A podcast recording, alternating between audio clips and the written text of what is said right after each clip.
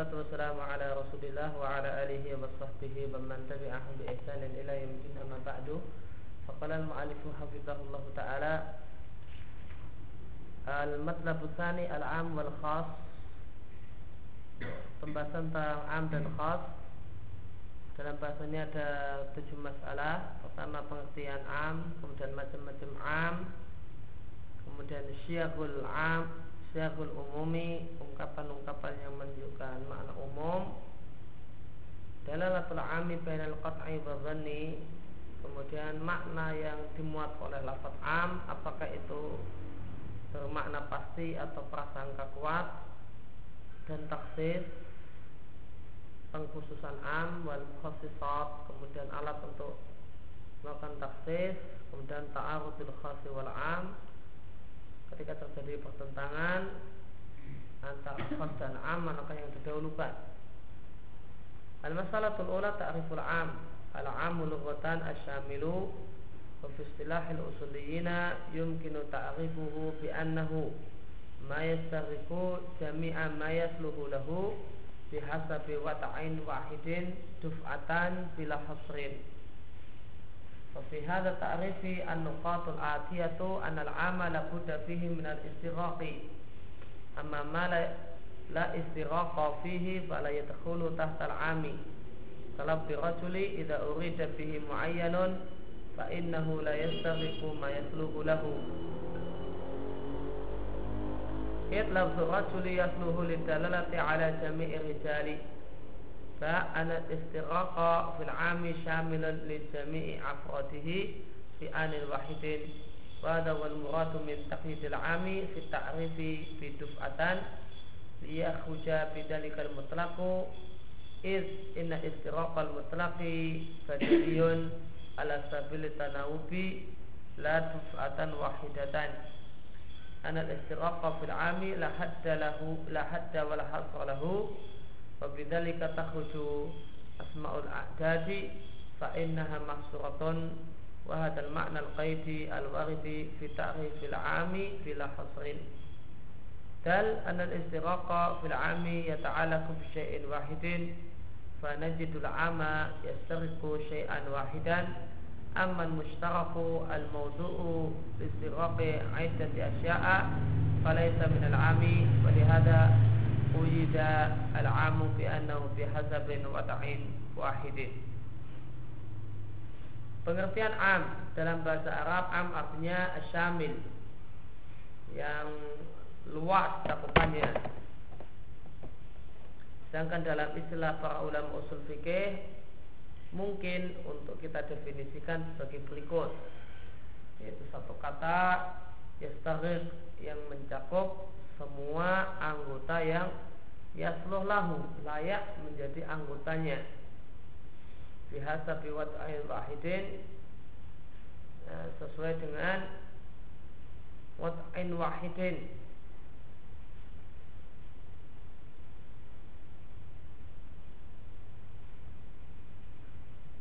Satu wadah nanti kita lihat pengertian wadah.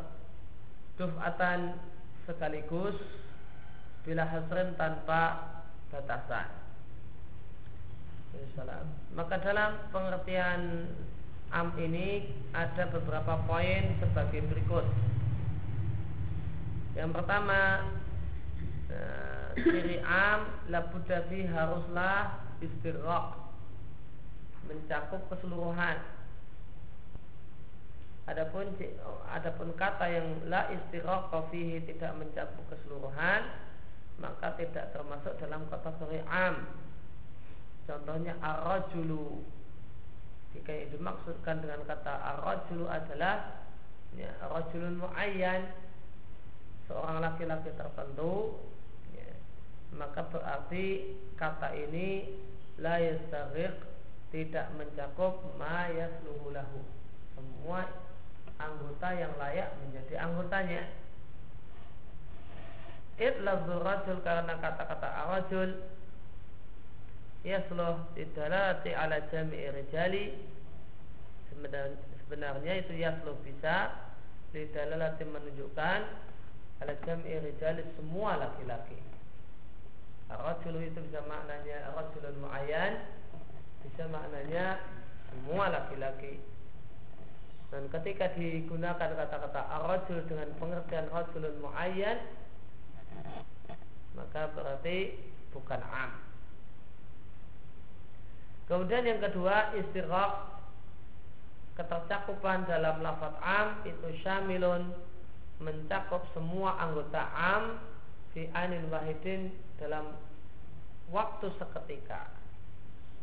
Inilah yang dimaksudkan dengan takdidil am persyaratan untuk bisa disebut am dalam pengertian dalam definisi am di atas dengan kata-kata duf'atan wahidatan atau duf'atan seketika.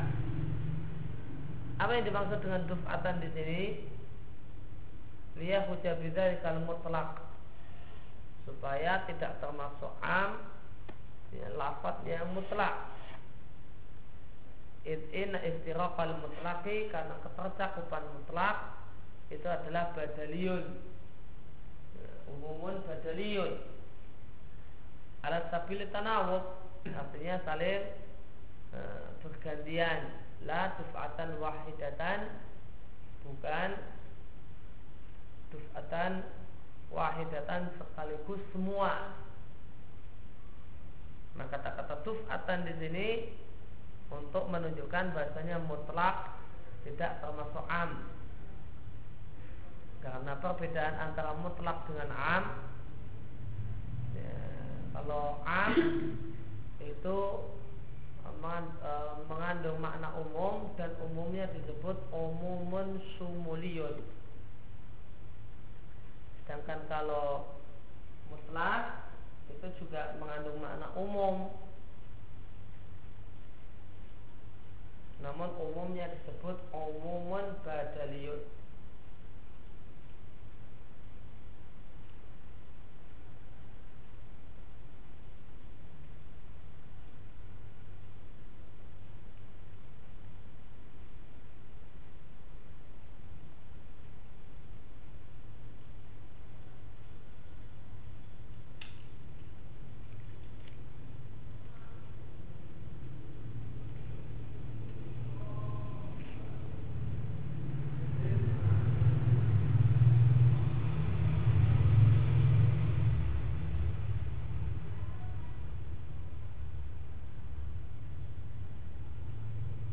Contohnya misalnya ada kalimat akrim jami'at tulabi. Di sini ada kata-kata jami' jami' menunjukkan mana am.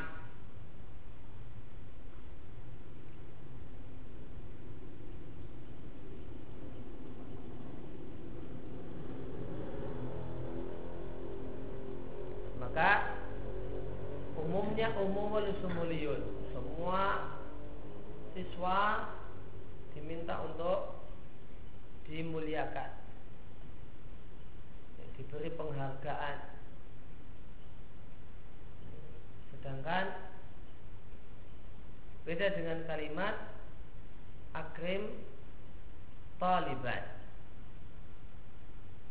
akrim taliban muliakanlah ya, taliban seorang siswa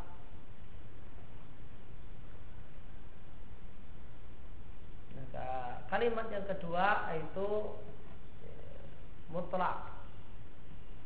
Muliakanlah seorang talib, seorang siswa. Nah, siswa yang ada itu ada 100.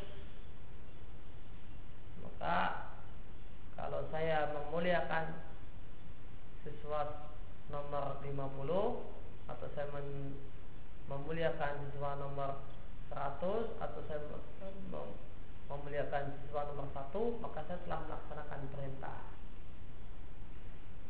Saya telah melaksanakan perintah. Ini menunjukkan kalau kata-kata mutlak itu bersifat umum. Namun cuma bisa diisi satu orang.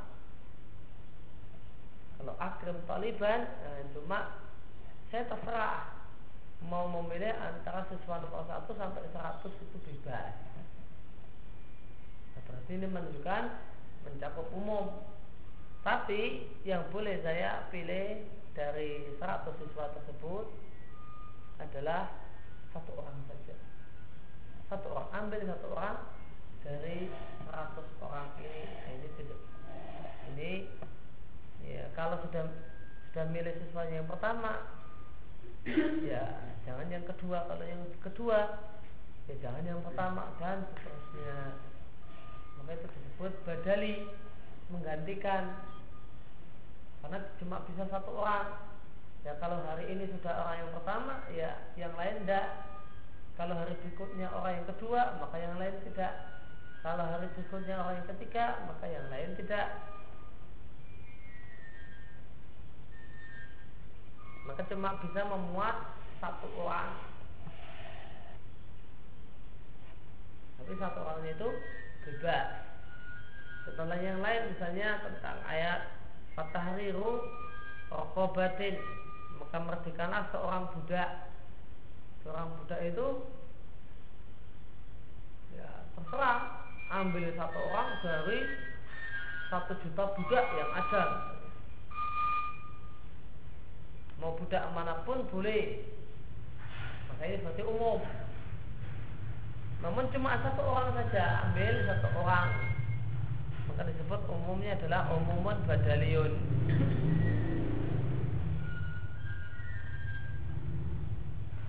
Ini berbeda dengan umumun sumuli. Merdekakan semua budak. Nah, maka mencakup semua budak yang jumlahnya satu juta dan perintahnya itu ditujukan untuk semuanya kita cuma dimerdekakan. 100 ribu ya maka belum melaksanakan perintah. Karena perintahnya semua.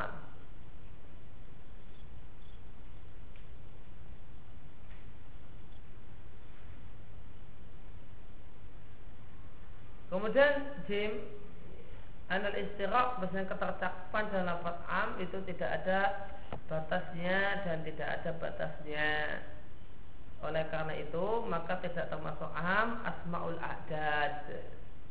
Nama-nama bilangan 20, 30, 100, 1000 Ini tidak termasuk am. Karena kalau nama-nama bilangan Fa'innaha mahsuratun terbatasi dengan angka tertentu. Wada makna al-qaid Dan makna eh, inilah makna persyaratan yang terdapat dalam pengertian am yaitu bila hasrin tanpa batasan. Maka yang namanya am itu tidak dibatasi dengan jumlah tertentu. Oleh karena itu angka 100 ya, itu tidak termasuk lafaz am karena ya mencakup banyak namun banyaknya masih dibatasi. Kemudian tentang masalah tadi makna wada wahid satu wada nah, penjelasannya ada di dal anal istiraq maksudnya ketercakupan dalam fat'am ya ta'ala bisyai'in wahidin berkaitan dengan satu hal. Pada situl am maka kita jumpai lafaz am yastarik syai'an wahidan men, hanya mencakup satu hal saja. Contohnya ar-rajulu cuma mencakup ya laki-laki. Semua laki-laki atau jami rajuli. Nah, artinya ya semua laki-laki cuma bahas laki-laki. Perempuan tidak. Maka ini menunjukkan perbedaan am dengan mustarak kalau mustarak al-maudhu dibuat oleh orang Arab listirok aidati asya'a untuk mencakup beberapa hal. Untuk mencakup beberapa hal.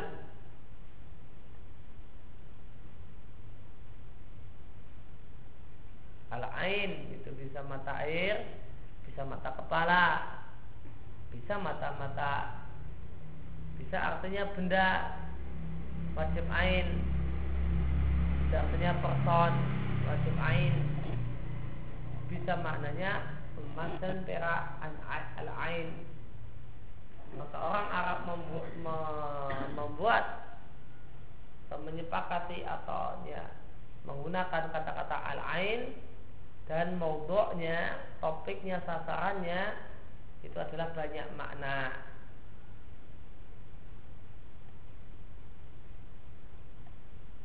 Nah, sedangkan syarat am itu sasarannya cuma satu makna saja. Itu yang dimaksud biasa biwat ain wahidin. Sasarannya cuma satu satu makna.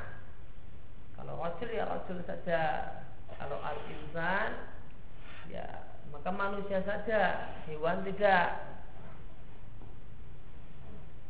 Oleh karena itu mustarak bukan am. Karena mustarak modok dibuat untuk mencakup beberapa hal falaisa minal am maka berarti tidak termasuk am karena tidak memenuhi syarat am Melihat adalah karena itu dipersyaratkan yang namanya am itu adalah biasa biwata'in wahidin wadanya satu. Nah, kita lihat di sini makna wada adalah sasaran maknanya. Ya, sasaran maknanya itu satu.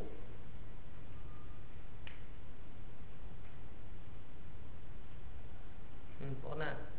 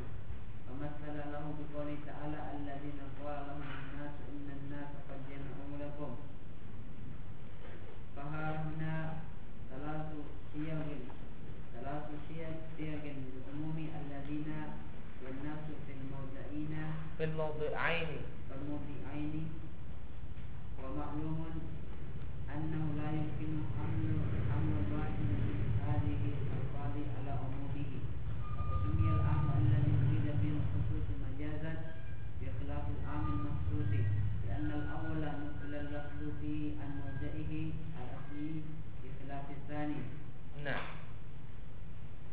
ya, pembagian am, am terbagi menjadi banyak pembagian dan ini tergantung itibarat sudut pandang untuk pembagian tersebut.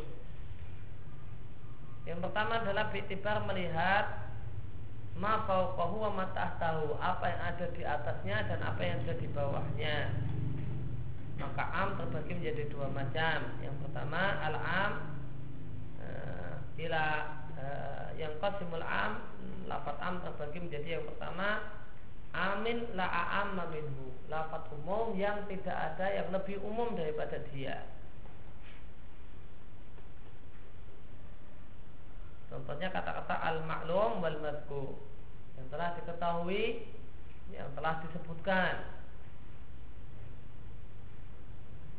Maka kata-kata ini ya semua mencakup semua apa yang wujudat wal ma'dumat semua yang ada di alam nyata ataupun yang tidak ada di alam nyata. Kemudian yang kedua adalah amun huwa binisbati lima tahu a'amu. Lafaz am yang dia itu kalau dilihat dengan anggota ya, anggota-anggotanya memang kalau dilihat dari apa yang di bawahnya maka dia lebih luas. Dan kalau dilihat dari apa yang ada di atasnya maka dia lebih sempit contohnya kata-kata hewan.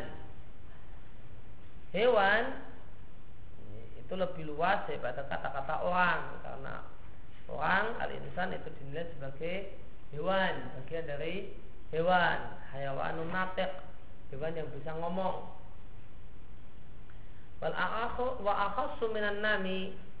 Akan tetapi ada yang lebih luas lagi dibandingkan hewan sehingga hewan itu lebih sempit dari, daripada anami makhluk yang tumbuh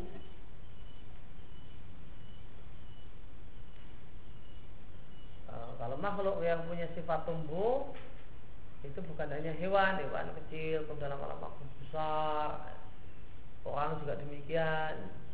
Nah, demikian juga tumbuh-tumbuhan itu juga dia punya sifat anami.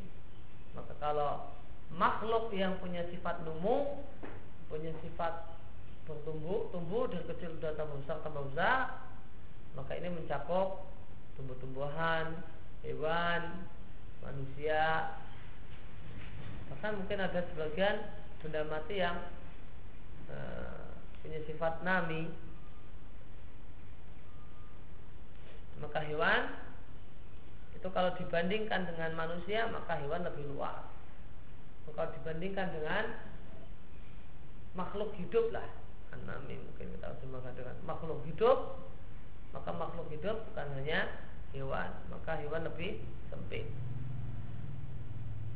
Maka lafat am yang tidak ada yang lebih luas daripada itu disebut amun mutlakun. Itulah am yang pertama dan am yang kedua itu statusnya am nisbi ya, atau am idofi dia adalah am melihat karena di bawahnya ada lafat yang khusus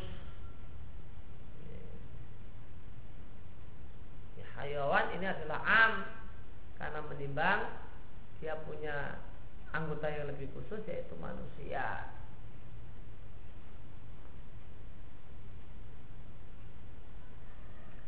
Kemudian Biktibar dengan melihat maksudnya. Maka am ada dua macam. Yang pertama am urida bil am Lafat am yang memang maknanya am. Dan yang kedua adalah lafat am Namun maknanya adalah khas. Al-Imam Musyafi telah membuat judul bab untuk masing-masing dari dua macam ini. Tentang macam yang pertama beliau mengatakan bab bayan mana dalam Al-Quran bab tentang ayat-ayat yang turun dari Al-Quran aman yuradu bil amu lafadznya am dan makna juga am wa khususu dan tercakup di sana makna khusus contohnya masalah Al-Imam Syafi'i membuat contoh, membawakan contoh lahu untuk hal ini, untuk judul ini, judul bab ini dengan firman Allah. Dan tidak ada satupun dabah binatang yang melata, yang merangkak, yang berjalan fil di muka bumi kecuali Allah. Allah menjamin rezekinya. Allahi wajib atas Allah. Artinya Allah mewajibkan dirinya rizkuha untuk memberi rezeki kepada semua makhluk tersebut. Yang dimaksud dengan daba dalam ayat ini adalah kulu daba dan semua daba semua yang melata, semua yang merangkak, semua yang berjalan di muka bumi tanpa terkecualikan. Kemudian yang kedua adalah diberi judul bab oleh uh, Al Imam Musyafi'i bab penjelasan tentang ayat-ayat turun yang turun dari Al-Quran nah, amma zahiri dalam keadaan secara zahir itu umum yuradu bihi. Ternyata yang dimaksudkan kulluhu dengan semua kata itu adalah al-khas makna khusus. Secara zahir kilas.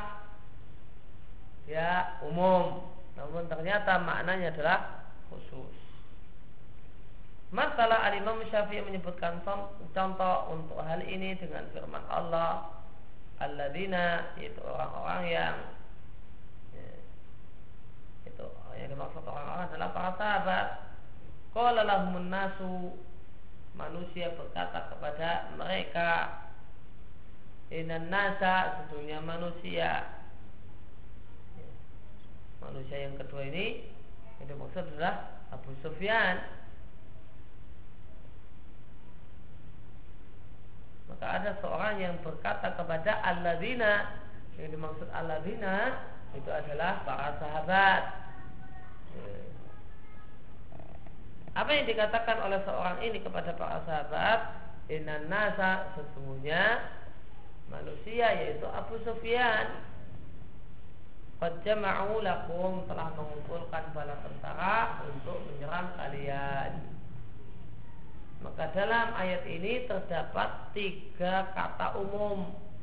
Pertama adalah alladzina, kemudian yang kedua serta yang ketiga adalah kata-kata anas di dua tempat. Anas pertama itu makna uh, lafaz umum, kemudian anas yang kedua juga lafaz umum. Wa maklumun dan satu hal yang maklum tidak mungkin kita maknai, kita tafsirkan satu min hadir alfat dari kata-kata ini kepada makna umum. Nggak mungkin. Masa umum semua? Aladina artinya semua manusia. Terus aladina ini diberitahu oleh anak semua manusia, anak mungkin. Dan yang memberitahu kepada aladina ini mengatakan inna nasa semua manusia. Mengumpulkan mengumpulkan apa? Berarti udah manusianya udah habis semua? Mengumpulkan jin. Nah, maka tidak mungkin. Nah, di sini dimaknai dengan mana umum aladina cuma maknanya sahabat anak itu seseorang orang ada seorang yang memberitahu dan anak yang kedua maknanya adalah Abu Sufyan dia memberitahu kalau Abu Sufyan menyiapkan tentang besar untuk menyerang kaum muslimin.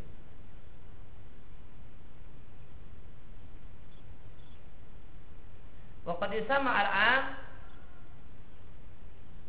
dan terkadang am yang maknanya adalah khusus itu disebut majas.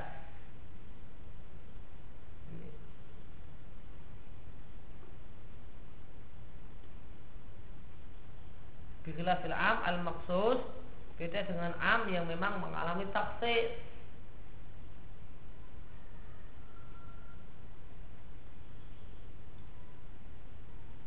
Dan awal nukila al fi an mawdihi al asli. Karena yang pertama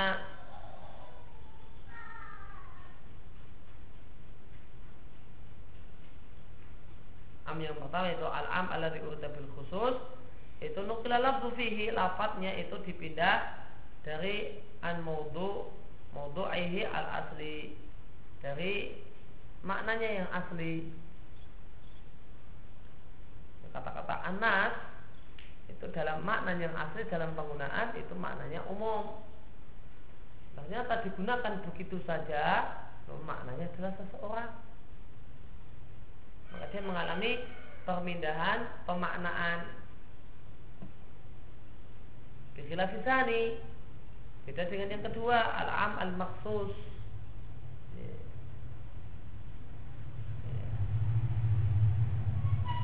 Am yang mengalami taksir Kalau am yang mengalami taksir Maka amnya itu tetap am. Amnya tetap am Tidak tidak tidak berubah. Maknanya dari makna yang aslinya. Cuma yang dimaksudkan dengan uh, am di sini berdasarkan pertimbangan dari yang lain itu ternyata adalah tidak semua. Berdasarkan pertimbangan dalil yang lain.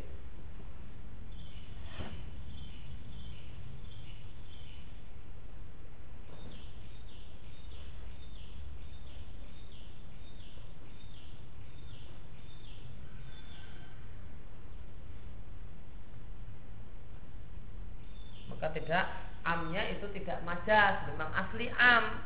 Kalau am al am al maksus itu memang amnya memang asli tetap maknanya mana am ya, tidak dibeda. Beda dengan am urida bil khusus.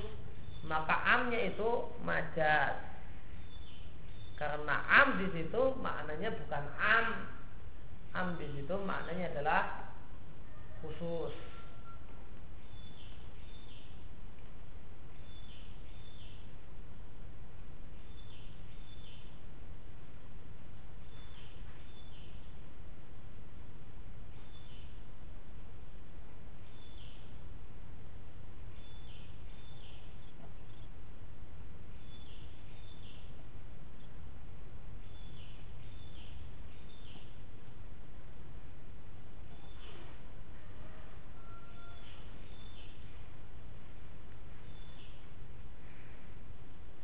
Kemudian yang ketiga Budi.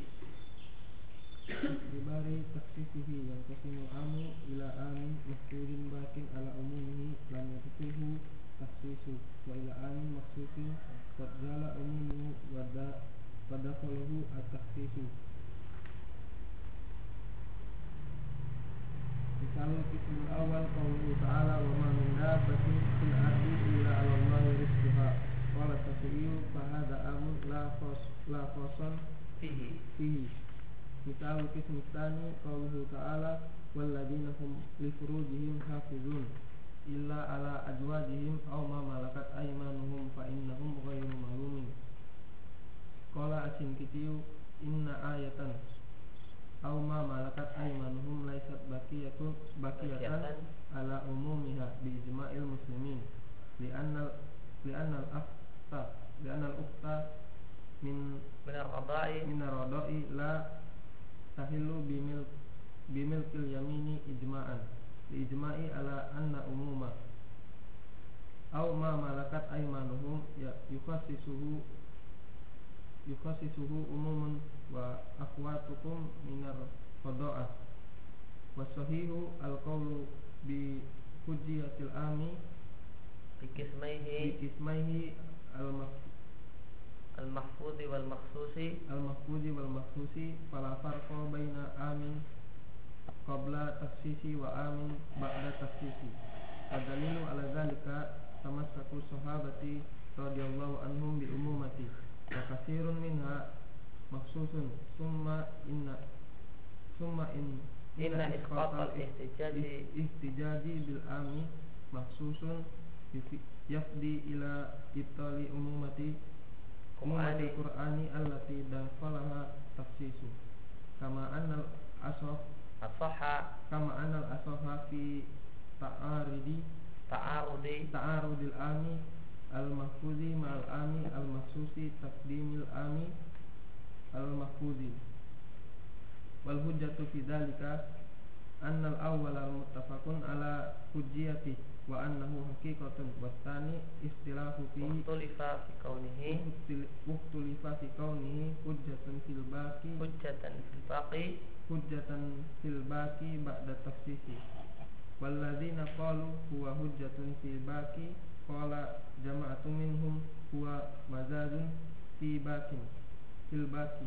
Wa ma'lumun annama uttafiqa ala annahu hujjatun wa annahu haqiqatun aula mimma aula mimma tulifa fi hujjiyatihi wa hal huwa haqiqatun am au majazun. Nah. Kemudian yang ketiga Bitibar melihat taksis. Apakah mengalami taksis apakah tidak? Maka am ada dua macam. Yang pertama adalah am yang tidak mengalami taksis. Maka ini disebut dengan amum mahfudun lafaz am yang terjaga keumumannya. Artinya bakin ala umum ini dia tetap pada maknanya yang umum. Lam yadkhulhu taksisun dia tidak mengalami taksis. Kemudian yang kedua amun maksusun am yang mengalami taksis. Artinya telah hilang maknanya yang umum wadakhulahu taksis dan dia mengalami taksis. Contoh yang pertama am yang mahfud adalah firman Allah Ta'ala tidak ada satupun yang berjalan di muka bumi kecuali Allah wajib atas Allah memberikan rezeki untuknya. Kata Imam Syafi'i kata-kata dapatin di sini pada amun ini adalah am yang tidak ada taksis di dalamnya. Semua makhluk itu Allah yang berikan rezeki tanpa terkecuali. Kemudian contoh yang kedua adalah alladzina hum li furujim hafizun dan orang-orang yang mereka menjaga kemaluan mereka. Nah, dia menjaga kemaluan mereka masing-masing. Illa ala aswajihim kecuali kepada istri-istri mereka auma malakat aimanuhum nah, dan semua budak yang mereka miliki. Fa'inam ghairu malumin maka mereka tidak tercela. Mana yang mau dijadikan contoh dalam ayat ini? Kata Singkiti inna ayata auma malakat aimanuhum. Kata Singkiti maksudnya ayat auma malakat aimanuhum apa yang semua yang dimiliki oleh tangan kanan mereka. Nah ini ma di sini ya, sigatul am. Ada ma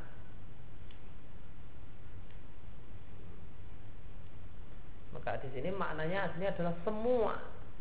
Namun kata sesingkiti laisat baqiyatan ala umumiha ma di sini tidaklah masih bertahan pada makna yang umum dengan ijma kaum muslimin. Ya, kaum muslimin ijma kalau ma di sini tidak umum. Kenapa? Karena saudara sepersusuan tidaklah halal untuk disetubui bimil keliamin dengan semata-mata menjadi budak ijma'an dan di sini ijma' misalnya ada seorang laki-laki dia beli budak ternyata beli budak perempuan ternyata budak perempuan tersebut itu statusnya adalah saudara perempuannya. Maka kalau aslinya semua budak perempuan ini boleh disetubui oleh tuannya. Ini tanpa akad nikah ya, karena akadnya ya akad milkul yamin. Akadnya akad memiliki budak. Itu akad yang membolehkan kemaluan budak. Ya, jadi akad yang membolehkan halalnya kemaluan itu ya, ada dua. Ada akdun nikah ada akad nikah dan ada akdun akdu milkil yamin. Akad kepemilikan budak Nah ternyata budak yang dibeli tadi ternyata sidik punya sidik kok ternyata saudara perempuan sepersusuan. Maka kata sesingkiti saudara perempuan sepersusuan tidaklah halal untuk disetubui bimil keliamin disebabkan status nah, dimiliki sebagai budak dan ini adalah ijma. Dan ijma karena para ulama ijma anak umuma. Bahasanya keumuman alma malakat aimanuhum itu mendapatkan taksir dengan keumuman wa akhwatukum minar radha'ah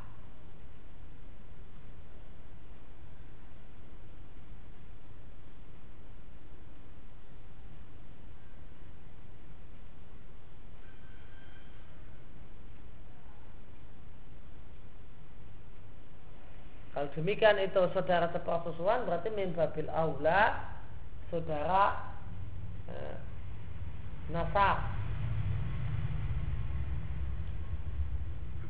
Oh, itu saudara ya. Oh, itu saudaranya istri. Uh, ada perselisihan ulama tentang uh, wa antajmau bainal ukhtaini terlarang mengumpulkan kakak beradik. Terlarang mengumpuli kakak beradik. Ya kakak perempuannya dinikahi adik perempuannya dia punya adik perempuan juga dinikahi. Dalam waktu yang bersamaan hukumnya haram. Karena Allah mengatakan wa anta mau baina ukhtain di antara hal yang terlarang kalian telah mengumpulkan dua perempuan yang bersaudara. Namun terdapat ikhtilaf terdapat perselisihan jika uh, uh, saudaranya istri ini halalnya bukan karena akdun nikah namun karena akdun milkul yamin. Ya, seorang laki-laki punya istri. Nah, berarti ini karena akad nikah. Kemudian dia beli budak di pasar budak. Ternyata ya, setelah sampai dibawa ke rumah Oh, istrinya kaget. Ini adik saya. Eh, ternyata ini adik saya. Oh, kok bisa jadi budak? Pokoknya nggak tahu. Pokoknya eh, anggap aja terjadi demikian. Nah, apakah si laki-laki ini boleh menyetubuhi adik istrinya? Ya. Ini diperselisihkan ulama. Ada sebagian ulama mengatakan wanita jumal bainul ukhtain itu adalah untuk akad nikah saja. Maka berarti kalau ini halal halalnya kemaluan karena akdu milkul yamin, tidak apa-apa. Jadi tidak termasuk dalam wa anta jma'ul baina ukhtaini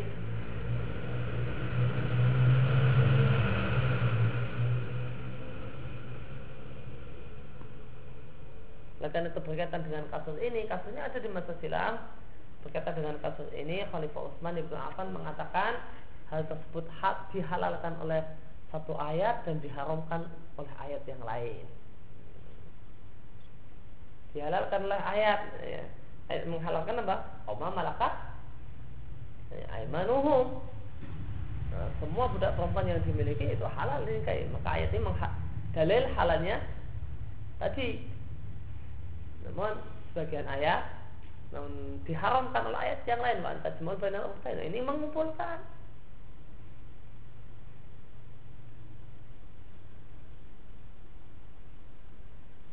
Nah, kalau maksudnya ada khilaf, tapi kalau di sini dikatakan al-ukh min ini ijma. Ya.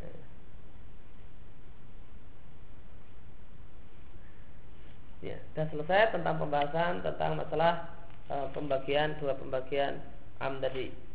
Dua macam am tadi. Kemudian di sini disampaikan tentang beberapa kaidah masalah am wasahi dan pendapat yang benar, kaidah yang benar, al-qaul adalah mengatakan bihujiatil am bahasanya am itu adalah hujah dengan dua jenis am dua jenisnya baik am yang mahfuz ataupun am yang maksus fala farqa bainal am maka tidak ada beda antara am sebelum mengalami taksis dan am yang setelah mengalami taksis. Semuanya bisa jadi hujah.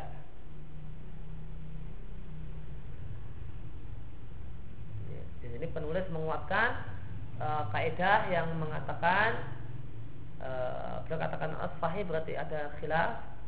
E, menguatkan kaidah yang mengatakan al-am ba'da takhsis hujjatun ma baqiyah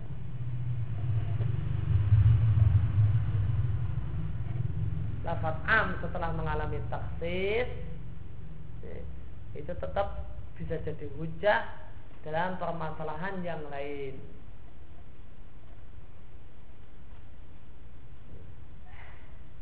Permasalahan yang lain permasalahan yang tidak mengalami yang tidak mengalami taksis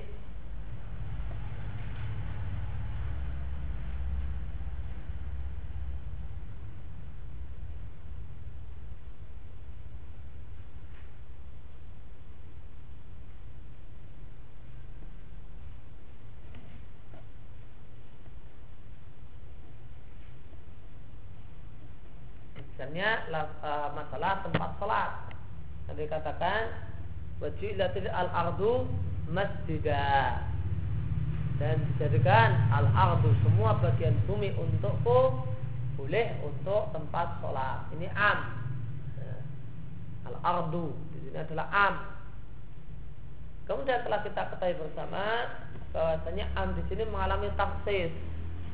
Ya, tidak boleh sholat di makbarah ya, di pekuburan. Di salat di pemandian umum. Ya, ada dalil yang mentaksis tidak boleh salat di mabarikul ibil tempat mendorongnya onta. Nah, maka hadis-hadis yang berbicara tentang masalahnya adalah taksis untuk hadis Nabi wajilat al ardu masjidah. Nah, apakah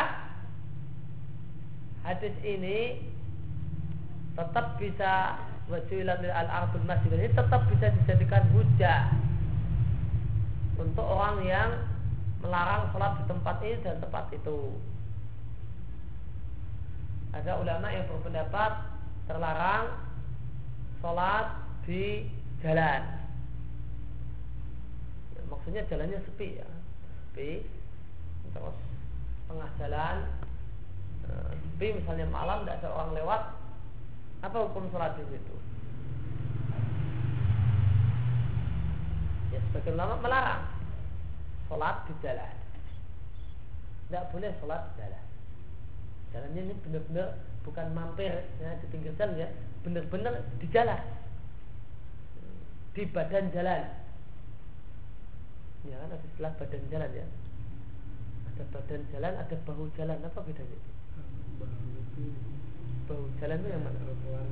Oh, trotoar itu bahu jalan. Hah? Yang buat dipakai kita kendaraan itu namanya badan. Kalau bahu itu kita jalan. Oh. Maka tentang uh, sholat di nah ini semua semuanya ini semuanya jalan semua. Uh, di badan jalan dan di, di, di bawah jalan sebagian lama melarang. Kalau memang bawah jalan itu tempat jalan berarti termasuk. Nah, ada ulama yang melarang sholat di situ. Nah sekarang bolehkah kita berhujah dengan hadis wajulat li al ardu masjidah untuk membantah pendapat ini? Dan kita katakan apa dalilnya untuk melarang sholat di badan jalan dan di bawah jalan? Bukan karena Nabi mengatakan wajulat li al ardu masjidah. Boleh apa tidak berhujah di sini? Nah, katanya boleh. Kenapa? Ya, bagaimana di sini? Al-qaul bi hujjatil 'am bi qismaihi al-mahfuz wal mahfuz. Mahfuz, maksus. Atau dengan dengan bahasa yang lain al-'am ya pada taksis hujjatun fi mabaqiyah. Dalil am setelah mengalami taksis tetap bisa jadi hujah dalam masalah yang di luar taksis. Ini masalahnya bukan makbarah, masalahnya bukan hamam, masalahnya bukan uh, mabarikul ibil. Ya, maka tetap bisa kita gunakan wajulah lil al ardu masjidah untuk jadi dalil.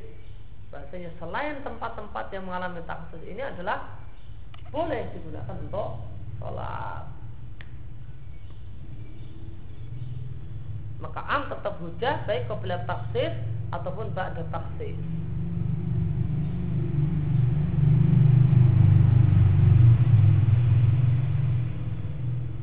Yang dimaksud dengan ini. As-sahih al-qalb hujjatil am dan seterusnya.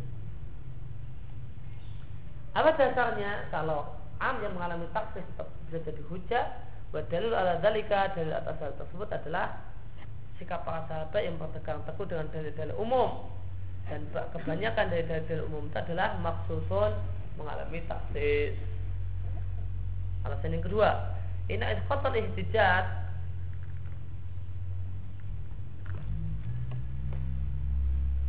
jika kita gugurkan berhujah dengan lapat am.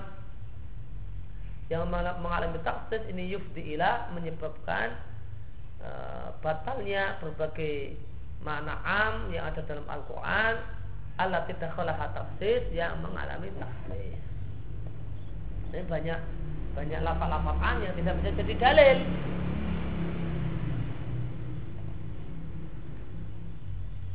Ya kemudian kaidah berikutnya kama anal asa sebagaimana pendapat yang paling kuat fita arudil am al mahfud ketika am yang mahfud itu bertentangan dengan am yang maksud takdimul am al mahfud kita dahulukan lafaz am yang mahfud terjaga.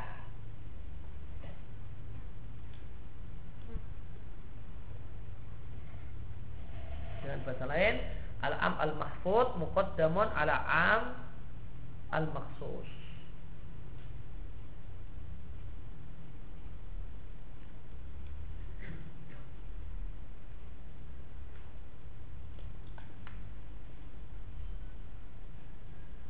contoh e, contoh al-am al-mahfud muqaddam al-am al-am al-maksus ini kaidah yang dipakai oleh Syekhul Islam Ibnu untuk mengatakan salat-salat sunnah datul asbab salat-salat sunnah yang punya sebab semacam tahiyatul masjid itu boleh dikerjakan di waktu terlarang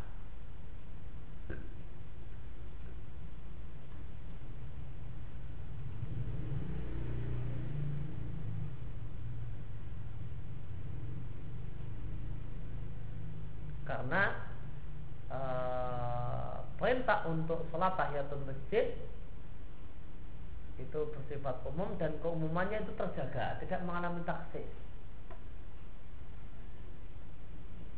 Tidak ada taksis, ya, tidak ada taksis untuk perintah sholat tahiyatul masjid. Ya, ada di satu keadaan tahiyatul masjid itu terlarang, itu tidak, ada. Itu terjaga keumumannya.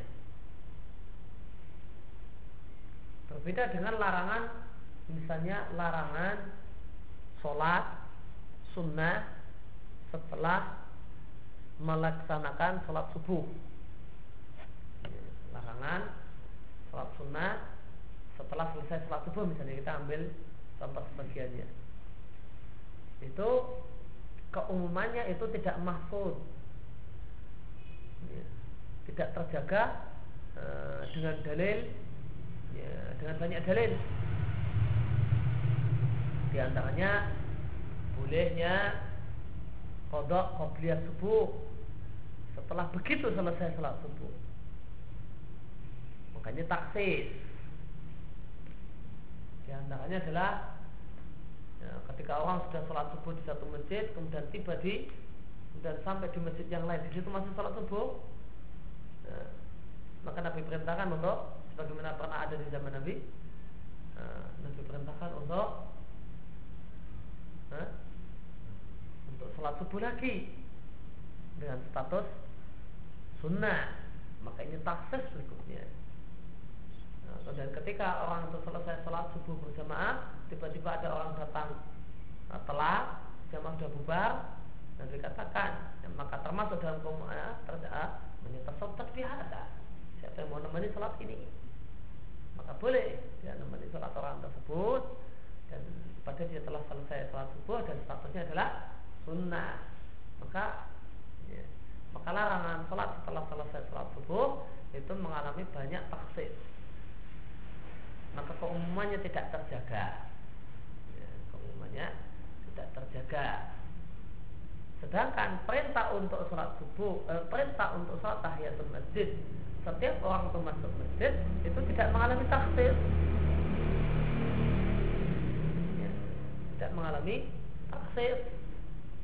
Tidak ada satu keadaan di mana orang terdapat dalil yang menunjukkan terlarang sholat eh, eh terlarang sholat tahiyatul masjid. Ya, tidak ada dalil.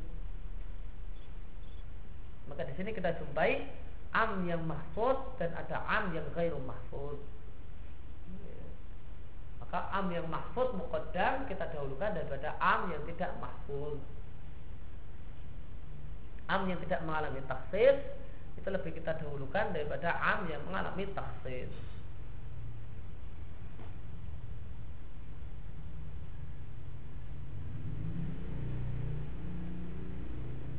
Ya. Uh, apa hujahnya? Apa dalil kalau am al mahfud muqaddam ala am uh, maksus wal hujjatu fi hujahnya ala anal awal muttafaqun ala hujjatihi Sedangkan am yang jenis pertama itu am yang mahfud itu disepakati kalau dia adalah hujjah wa annahu hakikatun dan dia adalah maknanya hakiki. Sedangkan am yang maksus waktulifa diperselisihkan dalam statusnya apakah bisa menjadi hujjah fil baqi dalam permasalahan yang sisa. Pada taksis setelah mengalami taksis yang tadi telah dibahas.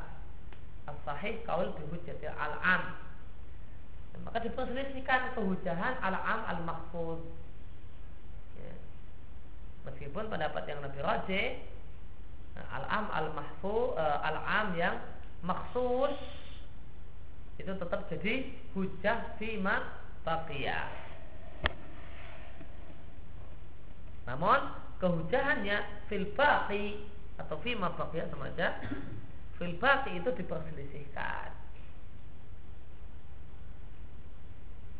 Waladi kalau sedangkan ulama-ulama yang mengatakan al-am yang maksud itu tetap hujah dalam perkara yang sisa, qala jama'atun minhum sebagian dari mereka mengatakan huwa majazun fil baqi. Keumumannya itu majaz.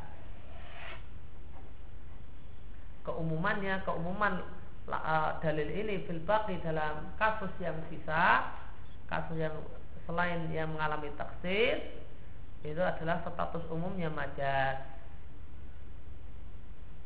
Wa maklum dan satu hal yang maklum, satu hal yang disepakati kalau dia adalah hujah dan disepakati dia adalah hakiki itu lebih utama daripada dalil yang diperselisihkan kehujahannya dan diperselisihkan statusnya apakah hakiki ataukah majas. Maka ringkasnya ya. Nah, al-am al-mahfud muqaddam ala al-am al-makhsus. Ya, tuh. وذهب ابن تيمية إلى أن غالب عمومات القرآن محفوظة وذكر أن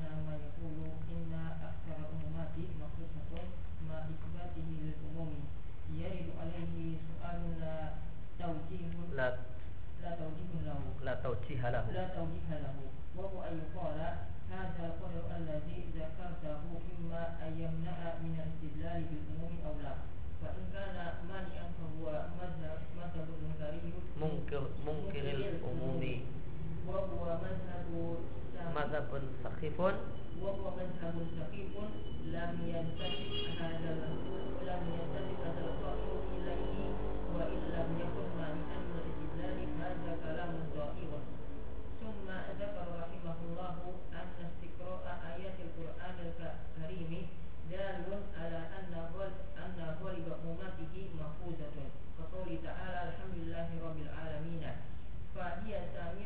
لكل أحد وقوله مالك يوم الدين فكل شيء في يوم الدين يملكه وقد جرى في تعبير في تعبير بعد أهل العلم بعد أهل العلم أن أكثر الأمات مخصوصة ويمكن حمل ذلك على أن مرادهم أن مرادهم نصوص الأحكام الأمر والنهي على وجه على وجه الخصوص وأن مراد ابن تيمية أهم من ذلك لأن استند إلى استقراء التام فيما ذهب إليه فلا فلا تعارض بين المذهبين بناء على هذا التفسير والله أعلم ومما يجدر التنبيه عليه في هذا المقام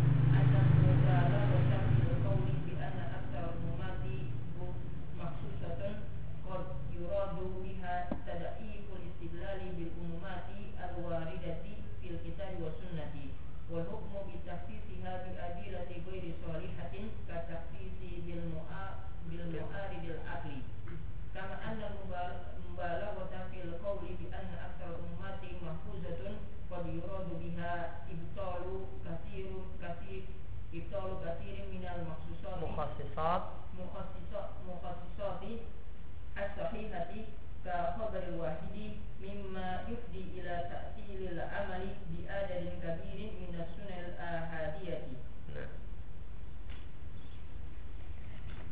Ya. Dapat Ibnu Taimiyah, Ibnu Taimiyah punya pendapat bahasanya mayoritas uh, umumatil Quran, ayat-ayat Al-Quran yang uh, maknanya umum itu mahfudhatun terjaga dan tidak mengalami taksis.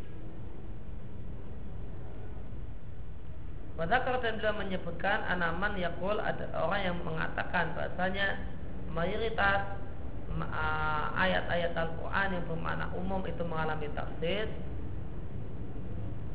ma'isbatihi lil umum di dia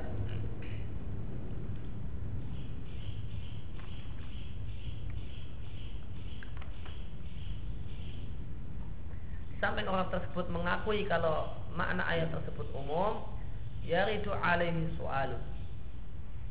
Maka eh, orang tersebut bisa dibantah dengan satu pertanyaan la taujihalahu yang dia tidak bisa memberikan jawaban. Bahwa ayukal pertanyaannya adalah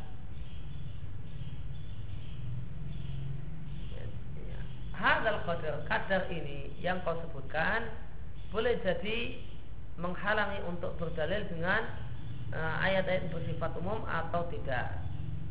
Jika kadar ini menyebabkan manian jadi penghalang untuk berdalil dengan makna umum dengan dalil umum, maka ini sama dengan pendapat orang yang mengingkari berdalil dengan umum. dan ini adalah uh, bahwa lima mazhabun ya katakan nama mazhabun ada mimnya Cetakan itu ada meme ya. Oh, ya. Ini cetakan saya, ini cetakan ini juga tidak ada meme ya. Benar ya ada meme ya. Bahwa madhabun sakhifun. Jadi adalah pendapat yang uh, pendapat yang kotor, pendapat yang jelek. Layam tasib hadal qail ilahi. Ya, eh, buktinya orang yang punya pendapat tadi pun tidak berani menisbatkan diri bahasanya dia memiliki pendapat ini yaitu apa? Mungkirul umum. Wa ilam yakun mani'an jika ini tidak menjadi faktor penghalang untuk berdalil dengan dalil umum, pada kala mendaiun, maka ini adalah perkataan yang sia-sia.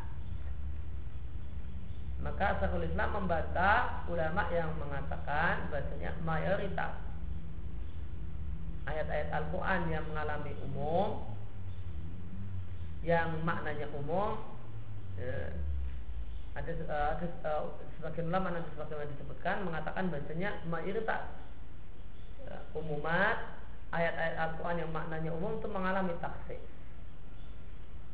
maka saya bisa membantahnya dengan mengatakan kalau kita katakan seadanya adalah kita terima bahasanya mayoritas ayat-ayat Al-Quran yang maknanya umum itu mengalami taksis apakah gara-gara ini kemudian kita tidak berani dan tidak boleh ketika menemukan ayat Al-Quran yang bermakna umum kemudian kita pegangi?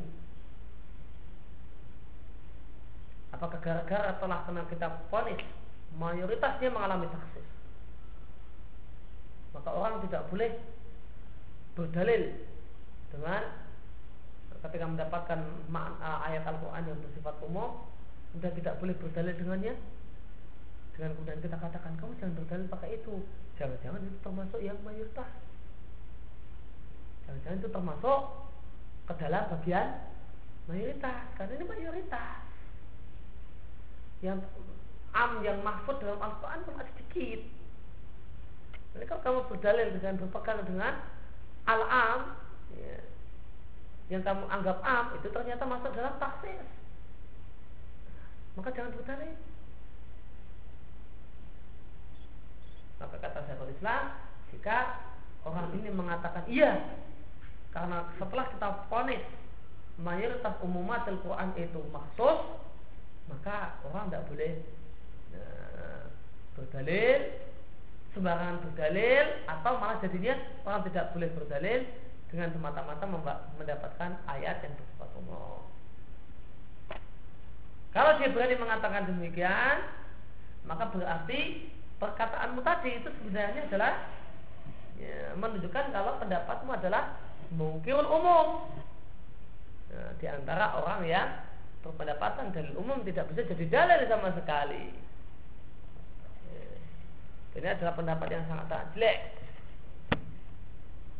tidak ada orang yang berani terus terang mengatakan demikian. Saya menolak semua lafaz umum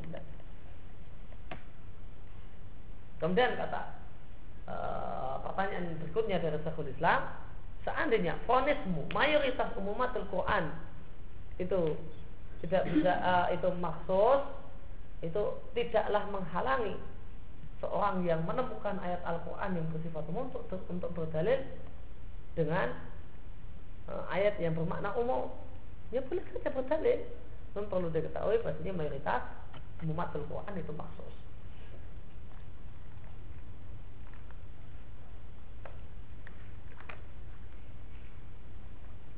Maka kata Syekhul Islam, kalau memang itu tidak manik, orang tetap boleh berdalil. Ya, cuma cuma diingat-ingat saja kalau umat Al-Quran mayoritasnya maksus. Namun orang setiap semua maka orang yang menjumpai ada ayat yang maknanya umum tetap boleh berdalil dengan makna umum tersebut. Maka kata Syekhul Islam, "Fa kalamun da'i." Maka ada kesimpulan perkataan yang sia-sia untuk apa kita bahas? Umumatul Quran itu maksus ataukah tidak maksus? Kalau nyatanya realitanya asal ketemu am boleh jadikan sebagai dalil. Maka ini apa? Kalau mudha'i ya, makanya adalah perkataan yang tidak ada manfaatnya. Itu cuma teoritis murni. Ya teoritis murni yang tidak ada wujud nyatanya dalam praktek. Kenapa? Meskipun telah difonis umum mayoritas umum matil Quran itu maksud nyatanya ya, boleh-boleh saja.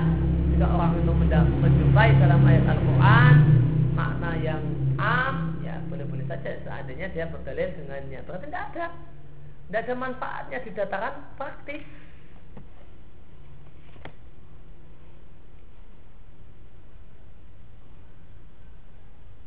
Maka maksud dari seluruh Islam untuk mengatakan bahasanya ghalibu umumatil Quran mahfudzah mayoritas makna eh, ayat-ayat Al-Quran yang bermakna umum itu terjaga maksud pokoknya apa?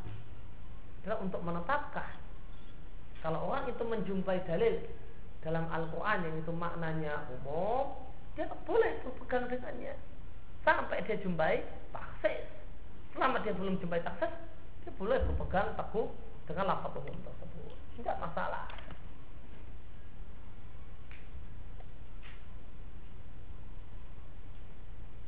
Summa zakara rahimahullah kemudian terusah menyebutkan bahasanya istiqah ayat Al-Quranul Karim berdasarkan penelitian terhadap ayat Al-Quran menunjukkan bahasanya mayoritas hmm, ayat-ayat yang bermakna umum itu keumumannya terjaga tidak mengalami taksir. Segala puji milik Allah, Rabb semesta alam. Akhirnya mencakup semua orang, semua orang memuji Allah semesta alam. Ya, Allah adalah Rabb untuk semesta alam meliputi semuanya terjaga ini tidak ada satupun makhluk yang keluar dari status Allah itu adalah Rabbil Alamin untuknya Malik Yaumiddin ya. Fakul syai' maka segala sesuatu pada hari pembalasan adalah yang memiliki Allah yang memilikinya Kemudian maka cara kita biri ba'di ahli ilmi akan tetapi cara muncul atau terjadi pada kalimat sebagian para ulama yang menunjukkan bahasanya mayoritas umumat Al-Quran itu mengalami tafsir.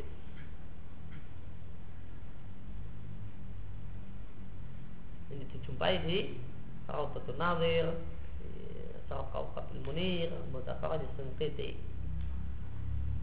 Yang kemudian penulis Ma'alin ya, mau mengkompromikan dua pendapat ini.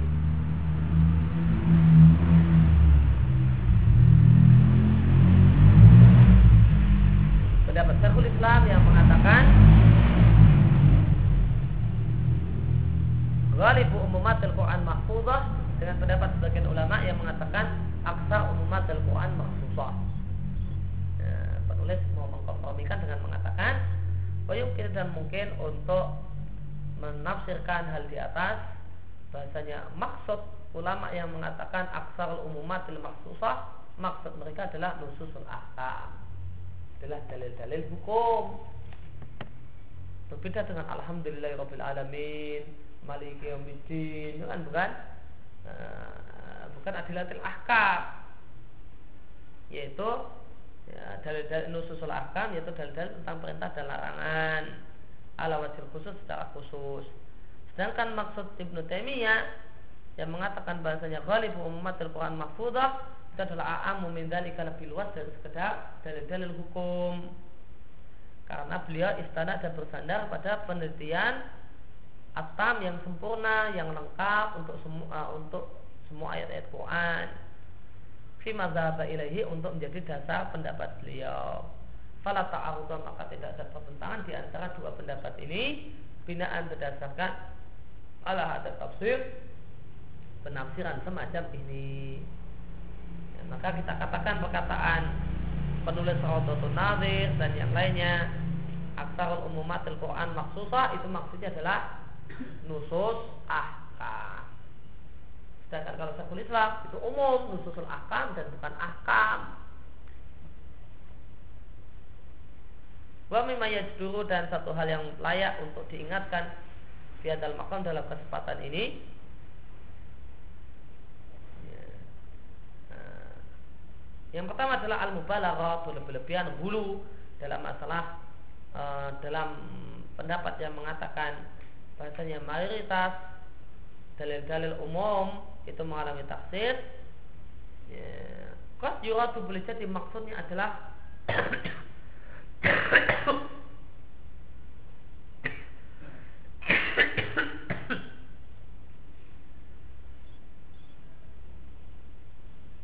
Boleh jadi maksudnya adalah melemahkan berdalil bil umumat dengan dalil-dalil umum yang ada dalam Quran dan Sunnah.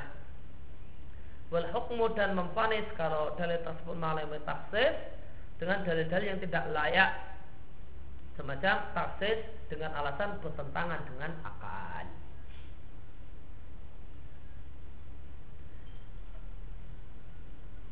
Ya, maka pendapat yang mengatakan bahasanya akal umumat itu maksusah itu bisa di, dipergunakan oleh orang-orang dan pihak-pihak yang tidak bertanggung jawab.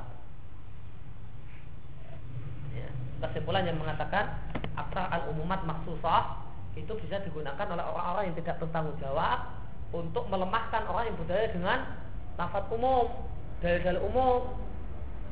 Nah, ketika ada orang yang berdaya dengan dalil umum, dia tidak bisa punya Eh, tidak bisa memberikan taksis namun nggak setuju dengan pendapatnya langsung mengatakan aksar umumat dari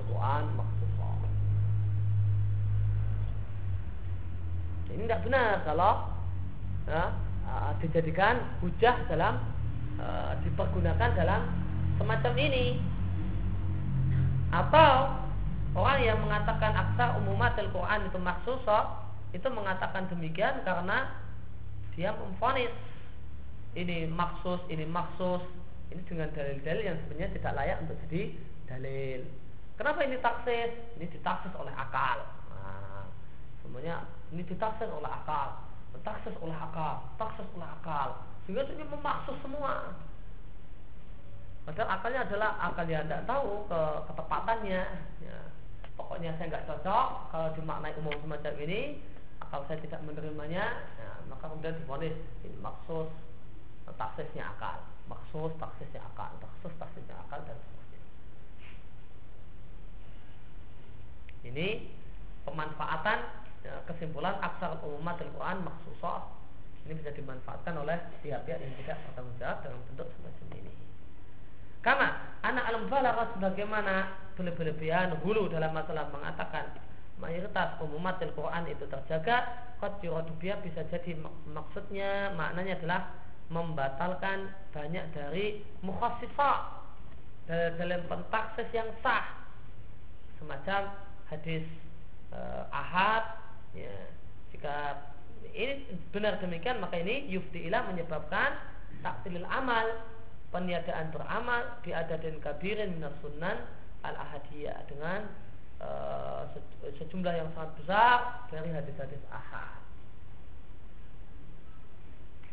Maka demikian juga kaidahnya Syekhul Islam aksal umumat til al-Quran sunnah itu mahfudah itu juga atau e, aksar umumat til Quran itu mahfudah itu juga bisa digunakan oleh pihak-pihak yang tidak bertanggung jawab dan meletakkan perkataan Syekhul Islam tidak pada tempatnya. Dia uh, ketika karena dia uh, dengan alasan ini maka dia pegang kencang-kencang dalil ayat Al-Quran yang umum kemudian dia tolak hadis ahad yang mentaksis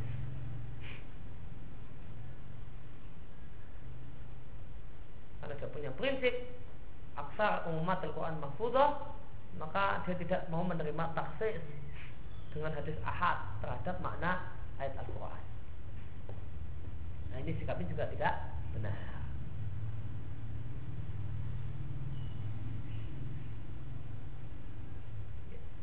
Ya, kesimpulannya ala hal umum lafaz dalil umum itu bisa dijadikan, bisa dijadikan hujah ya, sampai terdapat dalil yang memputuskannya.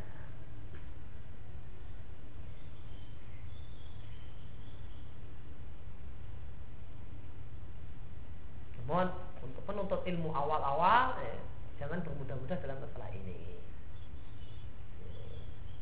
Nanti akhirnya dia memegangi uh, dalil umum yang bersifat umum karena keterbatasan ilmunya yang padahal sebenarnya ini sudah mengalami taksis namun dia tidak tahu. Penuntut ilmu awal ya uh, tidak boleh bermudah-mudah memakai kaidah ini al umum ya al umum adalah umum sampai ada tak taksis. Terlebih lagi jika dia tidak melihat uh, kesimpulannya ini dalam masalah ini dalam suatu masalah ini didukung oleh penjelasan ulama. Ya. Karena boleh jadi dia ternyata mengambil pendapat yang keliru karena sebenarnya pak pendapat yang benar uh, keumuman tersebut sudah mengalami taksir. Ya demikian sallallahu ala nabi Muhammadin wa ala alihi wasallam wa ta'ala alhamdulillah alamin. سبحانك اللهم وبحمدك أشهد أن لا إله إلا أنت أستغفرك وأتوب إليك.